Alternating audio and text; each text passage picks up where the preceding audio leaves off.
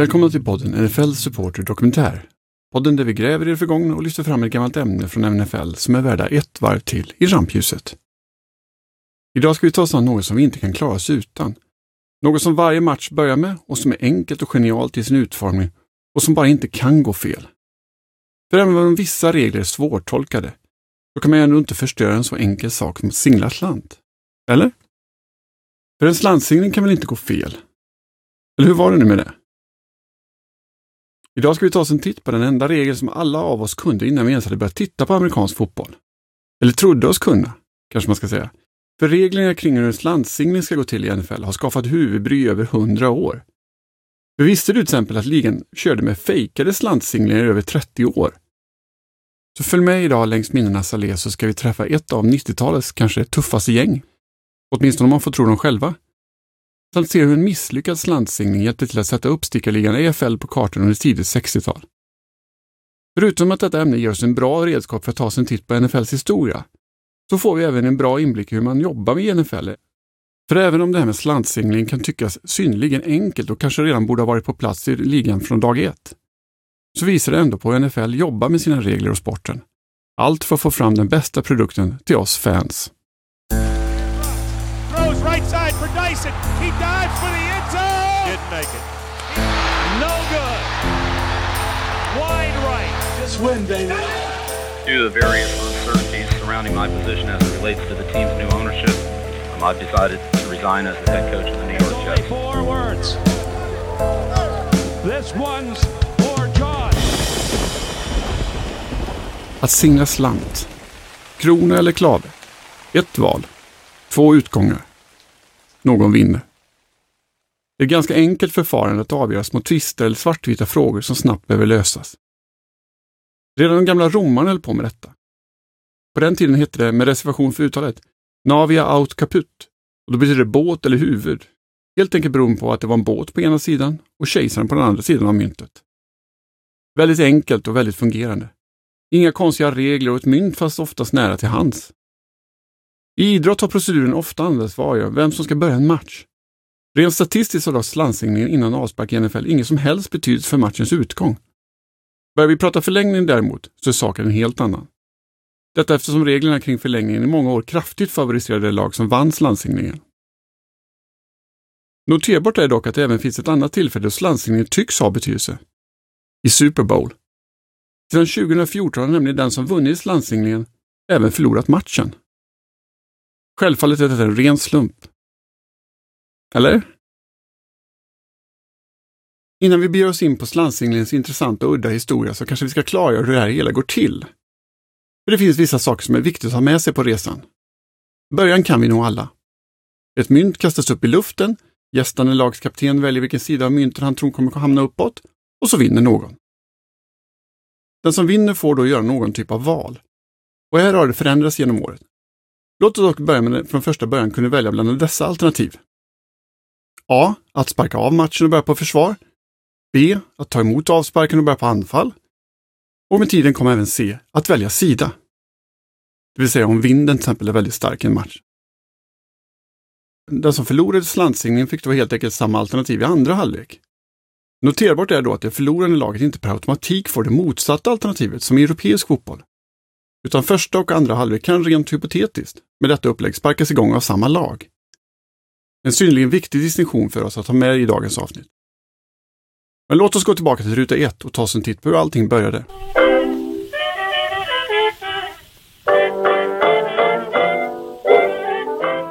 Från början, det vill säga redan innan ligan startade för drygt 100 år sedan, så skedde slantsinglingen innan match av lagets två kaptener.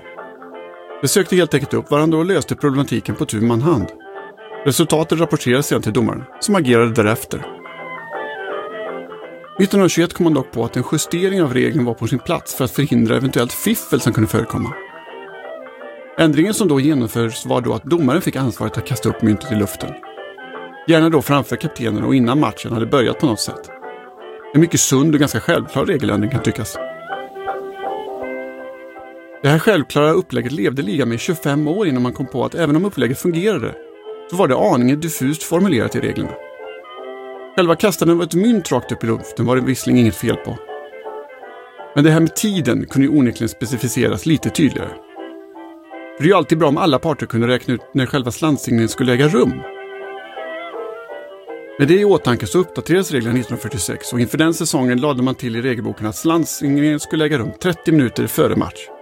Precis efter att lagen var klara med sina uppvärmningar. Klart som korvspad. Redan från dag ett så inser man dock att detta upplägg berövade publiken på ett väldigt intressant moment i matchen.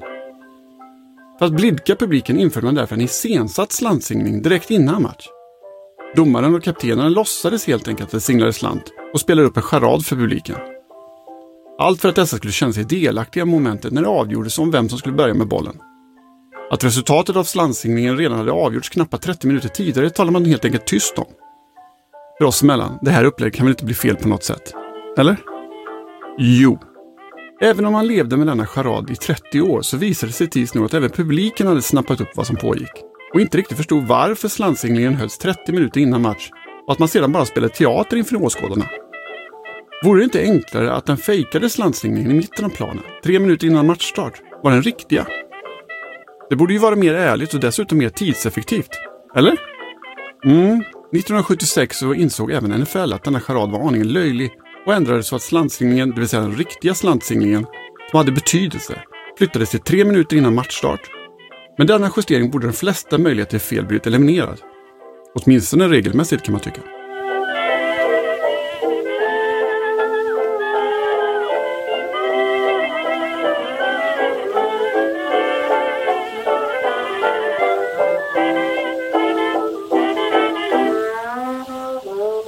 Även om reglerna kändes solklara så finns det ju även andra aspekter som gör det lite klurigt ibland.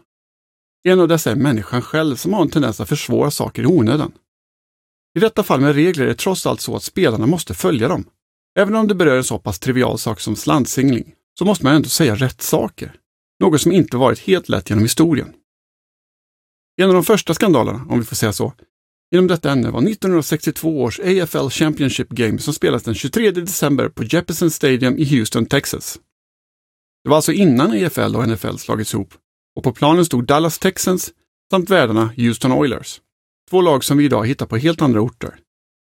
Dallas Texans flyttade året därpå 1963 till Kansas City och tog sig smeknamnet Chiefs, medan Oilers 1997 flyttade till Tennessee där de två år senare även döpte om sig till Titans, som de även kallar sig idag.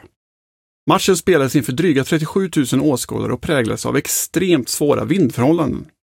Något som gjorde att det lag som hade vinden i ryggen var det enda lag som kunde prestera något framåt överhuvudtaget. Dallas Texans tog ledningen med 17-0 i första halvlek, medan Oilers svarade med en liknande insats i andra halvlek, vilket gjorde att matchen gick till förlängning för att skilja lagen åt.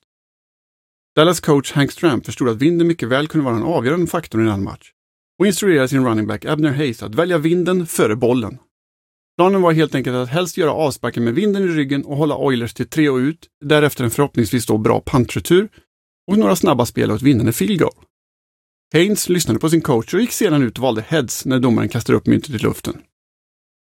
När Texans sedan vann slantsinglingen sa Haynes ”We'll kick to the clock” och hänvisade på matchuret som fanns i änden av planen. Oturligt nog för Haynes var inte bara motståndarna och domarna som hörde detta. ABC, som detta år storsatsade på matchen, har även skickat ner den numera legendariska sportjournalisten Jack Buck till inneplanen. Hans son Joe Buck har ni säkert hört kommentera matcher på tv nu för tiden. Hur som haver så var Jack där med sin mikrofon och Haynes misstag, att välja både sida och boll, kablades ut till de amerikanska tv-tittarna.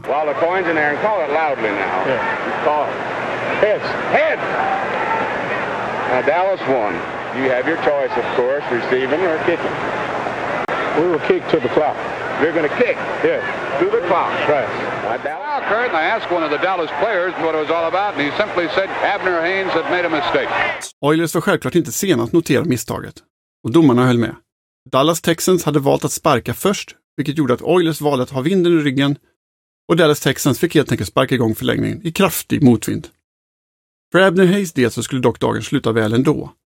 Dallas försvar stod upp mot Houstons anfall gång på gång och när det till slut blev dags för sidbyte efter 15 minuters spel, då kunde slutligen Dallas avgöra matchen med ett field goal efter 2.54 spelat av den sjätte kvarten. På sin tid var detta den längsta matchen någonsin spelats i professionell idrott och står sig relativt bra i rekordböckerna än idag. Även om jag misstänker att amerikanska statistikerna exkluderar en hel del idrotter här. Hur som helst, det var en lång match. Förutom Abner Hayes var även Lamar Hunt nöjd. Texans starke man var rent ut sagt överlycklig. Inte bara för att hans lag vann, utan för att ligan i stort fick uppmärksamhet. Den direktsända episkt långa dramat hade hjälpt till att sätta EFL på kartan, vilket positionerade EFL som en stark utmanare till storbror NFL. Haynes misstag gjorde som sagt inte så mycket den här dagen 1962. Regeln skulle som sagt inte förändras på grund av just den händelsen. Men nästa stopp på vår resa var dock 1991, då ett helt annat lags agerande fick ligan att tänka till igen. Good afternoon, everybody. I'm Vern Lundquist along with Dan Fouts. We have two teams entering this game today from opposite ends of the NFL spectrum. The Atlanta Falcons, who relish their reputation as renegades, against the Super Bowl favorite Redskins, who have a slightly more conservative image. we have been uh, delegated with the dreaded four-letter word, W-I-N-D. Second line on the graphic, 30 to 40 miles an hour. It's not all that cold, rather pleasant as a matter of fact for early in January. Året var 1991 och det vankades slutspel i ligan. I divisionsrundan i NFC skulle Washington ta emot Atlanta Falcons hemma på RFK Stadium. Förutsättningarna var inte helt olika det vi pratade om i matchen från 1962. Kraftig vind och hällande regn. Falcons lag anno 1991 var dock ett lag som hade en hel del swag om man får säga så. Och hade en synnerligen hög svansföring även om det laget inte varit i slutspel på över 10 år. Om jag säger att Dion Sanders var en del av det här laget och att resterande 52 killar inte var helt olika honom, då kanske ni kan få en känsla av vad vi pratar om. Deras närvaro var ingen garanti för en trevlig stämning för att tala klarspråk. Laget leddes dessutom av en man vid namn Jerry Glenville som naturligtvis var en bidragande orsak till lagets framtoning. Glenville var minsann en uttrycksfull person som för det mesta var klädd i svart med ett stort bältespänne som syntes på mil. Inte sällan hade han åsikter om både det ena och det andra och var inte särdeles rädd för att vädra dessa. Bara några veckor tidigare hade han bland annat skyllt en förlust borta mot Cardinals på att hotellet i Phoenix hade en udda planlösning som hade förvillat hans spelare. Och en annan gång fick man stoppa honom efter att han sprungit in på planen och försökt slå domaren. Uttrycksfull var som sagt ordet för denna man. Denna dag var det inte mycket bättre och när Falcons såg förutsättningarna i Washington ville de inget hellre än att förlora slantsinglingen. Anledningen till detta var att man ville börja försvara i matchen. Med reglerna som fanns vid tiden så var alternativet om man vann slantsinglingen att välja mellan att sparka eller ta emot bollen eller att välja sida. Förlorarna av slantsinglingen fick sedan samma val i andra halvlek. Av den anledningen så tog man oftast bollen, to receive, eftersom man annars riskerade att motståndaren skulle börja med bollen i bägge halvlekarna. Med detta i åtanke kom Glenville till matchen med övertygelse om att han behövde förlora slantslinjen. På något sätt i alla fall. Enklaste sättet i hans värld att göra detta vore att helt enkelt inte dyka upp till slantsinglingen. NFLs representanter lät dock meddela att detta skulle rendera i en 15 yards bestraffning och att Falcon skulle bli berövade på valet av boll, sparka eller sida i andra halvlek. Glenville insåg då att han var besegrad. Men som den tjurig gubbe han trots allt var, då kunde han inte bara låta NFL vinna. Således skickade han in hela laget för att genomföra slantsinglingen. Något som självfallet renderade i ett mindre tumult på inneplanen. För att elda på styrkorna ytterligare hissade han en Washington-hjälm i hadden innan match. Och som pricken över i så passade Dion Sanders på att dansa sina berömda danser framför motståndarfansen i målområdet. Ja, Falcons anno 1991 var ett underhållande men kanske inte alltid det mest sportsliga gänget som beträtt en amerikansk fotbollsplan. Och kanske får vi tillfälle att återkomma till dem en dag. Men för stunden så nöjer vi oss med att deras rackartyg inte hjälpte just denna gången då Washington vann med 24-7.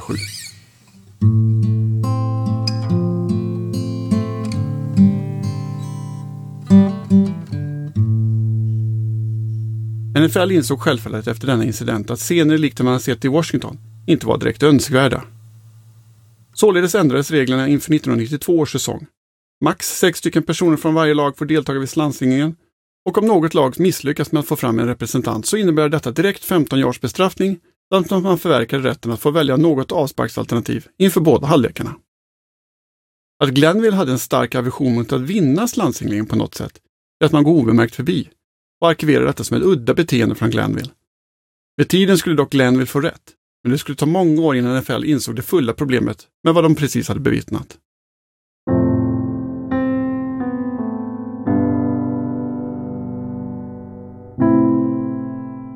Innan dess så ska vi be oss iväg till den kanske största slantsinglingsrelaterade skandalen i NFLs historia.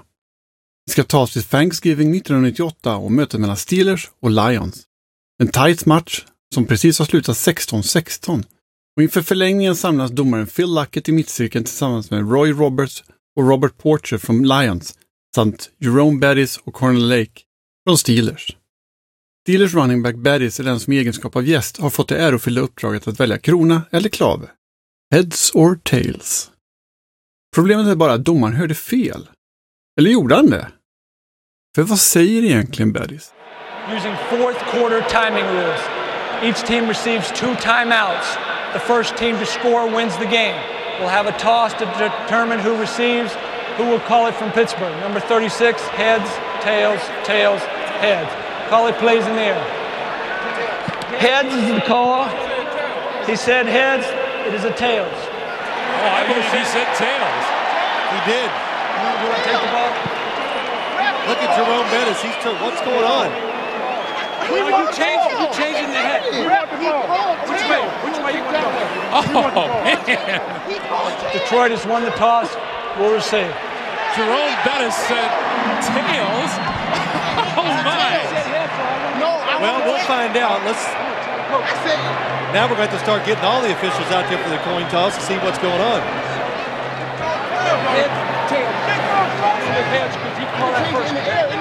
Let's go back and listen to the coin toss. The, the argument continues on the sideline in front of Bill Cower. Here it is. Let's take För de allra flesta låter det nog som att Baddies säger tails. Medan domaren uppenbarligen hörde något helt annat. Till och med kommentatorerna från CBS, Greg Gumbel och Phil Sims, var på Baddies sida. Men som i så många andra fall är det domaren som dömer. Lions fick ta emot bollen och avgjorde förlängningen med ett field goal. Snacket efteråt handlade självfallet om den struliga slantsinglingen och ligan och VD Paul Tagliabue gick ut redan nästa dag med nya regler kring hur slantsinglingen skulle gå till. Valet av heads or tails skulle hädanefter göras innan myntet kastades upp i luften. Och inte under luftfärden som det varit under de första 80 åren i ligans historia. En förändring som var lite konstigt att den inte var på plats tidigare än så egentligen. Tack för det klargörandet NFL.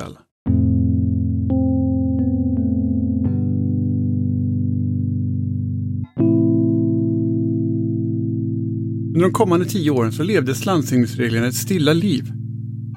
Inget ändrades och inga skandaler skedde. Men minns ni Jerry Glanville? Falcons coach som vi pratade om tidigare. Han som inte ville vinna slantsinglingen eftersom han ville börja på försvar. Hur var det med det egentligen? Jo, även om NFL var sena att medge detta så var det så att den som vann slantsinglingen inte hade några alternativ egentligen. För valde man något annat än att ta emot bollen så riskerade man att motståndaren skulle få ta emot bollen i början av både första och andra halvlek.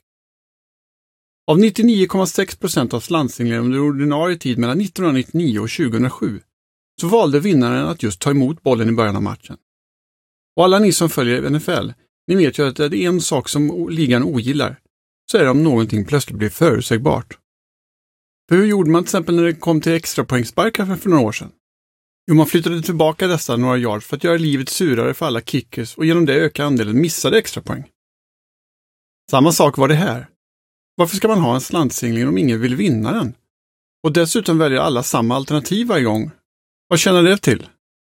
Med detta i åtanke instiftade man till slut ett nytt alternativ. 17 år efter att Glenville indirekt påpekat problematiken i systemet. Det nya alternativet gavs namnet defer, det vill säga att skjuta upp. Rent konkret innebär att vinnaren av slantsinglingen ges möjlighet att skjuta upp sitt beslut till starten av andra halvlek. Vilket löste problematiken på ett snyggt sätt. Visst, slantsinglingen blev genom detta mer komplicerad. Men genom detta vill åtminstone lagen vinna slantsinglingen, vilket ändå måste ses som en målsättning med proceduren. Det spännande med nya regler i ligan är att det alltid sätter griller i huvudet på coacherna. Hur skulle man hantera detta? Vad var nu egentligen det rätta alternativet? Initialt var det ganska spridda skurar. Under första säsongen med den nya regeln, det vill säga 2008, var det 39 procent som valde att skjuta upp sitt beslut. Efterföljande år sjönk siffran till 26 procent för att sedan stiga till 30 procent under 2010 års säsong. Där någonstans ändrades trenden och allt fler började välja defer som sitt primära alternativ om de vann slantsinglingen. Ett lag anammade detta alternativ direkt och under perioden 2008 till 2018 så valde de defer i 95 procent av fallen. Kan ni gissa vilket? Om ni tänker på coacherna i ligan så finns det en som sticker ut på många sätt. Men framförallt när det kommer till strategier kring statistik och siffror. Wait for it. Wait for it. Wait for it. Rätt svar är Patriots och Bill Belichick. Vilket är föga förvånande för alla som följt sporten de senaste 10-15 åren. Belichick har alltid gått i bräschen för det här med statistik och många av er som lyssnar minns säkert exempelvis debatten om att panta eller ej på fjärde down. En debatt som tog fart efter att Patriots från egen 28 yards linje valde att gå för det på sista försöket i en match mot Colts 2009. Den gången misslyckades det tyvärr, med seger för Colts som följd. När man dock tittade på spelet i efterhand rent statistiskt, så var det rätt gjort. Det spelet skapade en debatt som förändrade sporten. Den historien lämnar vi dock därhän och noterar att vår vän Bill även låg i framkant när det kom till att anamma de nya reglerna och strategierna kring slantsinglingen. Idag väljer i stort sett alla lag att skjuta på sitt beslut i andra halvlek. Det sista lag som anammade detta tankesätt var Dallas Cowboys, som länge kämpade emot. Idag har de dock valt att följa flocken även här.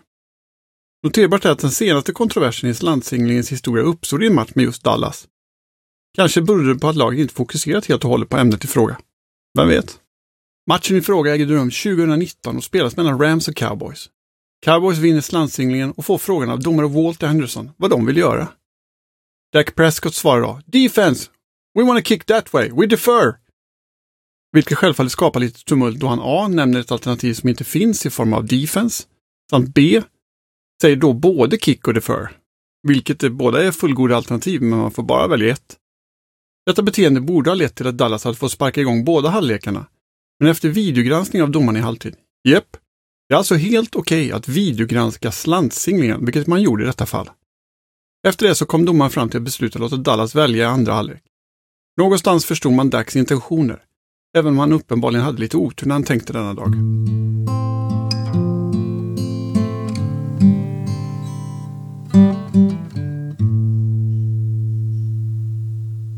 Vänner av ordning har således noterat att vi kommer fram till nutid i vår historia.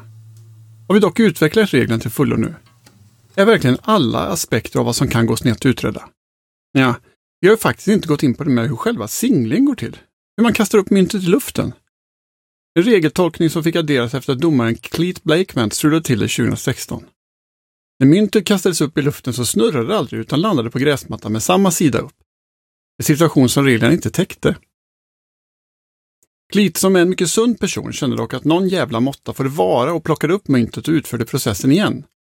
Denna gång med resultatet att myntet snurrade mycket snyggt i luften. Incidenten skapade också rubriker eftersom Aaron Rodgers och hans Packers, som förlorade båda dessa slantsinglingar, kände sig förfördelade genom att de inte har fått chansen att ändra sitt val inför domarens andra kast. Anledningen till de till synes för stora rubrikerna var att slantsinglingen var inför förlängningen i en slutspelsmatch och var av oerhörd vikt. Packers motståndare som vann slantsinglingen fick bollen och avgjorde matchen på tre spel. Även om detta kanske säger mer om övertidsreglerna som nyttjades så var det ändå slantsinglingen som blev den officiella förklaringen till att Packers åkte ut den här gången. Blakemans agerande var dock perfekt i NFLs ögon. Och följande dag ändrade man i regelboken så att denna följde Lex Blakeman, om vi får säga så. Man lade även in att gästernas kapten inte får chansen att välja igen, utan det första valet står sig även till andra kastet. Så ledsen Aron. Så vad är då framtiden för NFLs slantsingling egentligen? Är vi i mål efter alla dessa regeländringar? Ja. Eftersom alla idag i stort sett väljer samma alternativ så tror jag att ligan en vacker dag kommer att vilja peta på detta på något sätt. För det enda som kan skapa någon slags spänning är slantsinglingen i sig. Det vill säga vad myntet visar samt att någon part ställer till det för sig. Precis som Dak gjorde i exemplet som vi nyss nämnde. Kanske skulle man förenkla proceduren ytterligare och helt enkelt göra som man gör i den europeiska fotbollen. Det vill säga att ena laget sparkar igång första halvlek, medan det andra laget sparkar igång andra. Att risken finns att något lag sparkar igång båda är i mitt tycke lite underligt och lite krångligt. Visst adderar fler val en ökad möjlighet för strategiska beslut. Men om alla alltid gör samma sak så tjänar det inget syfte att ge lagen möjlighet att skjuta på sitt beslut i alla fall. Den som lever får helt enkelt se och kanske har vi efter hundra år av försök och ändringar nått den ultimata slantsinglingen i NFL. Men någonstans i mig så finns det en krypande känsla av att någon, någon gång vill peta bara lite till. Bara lite till.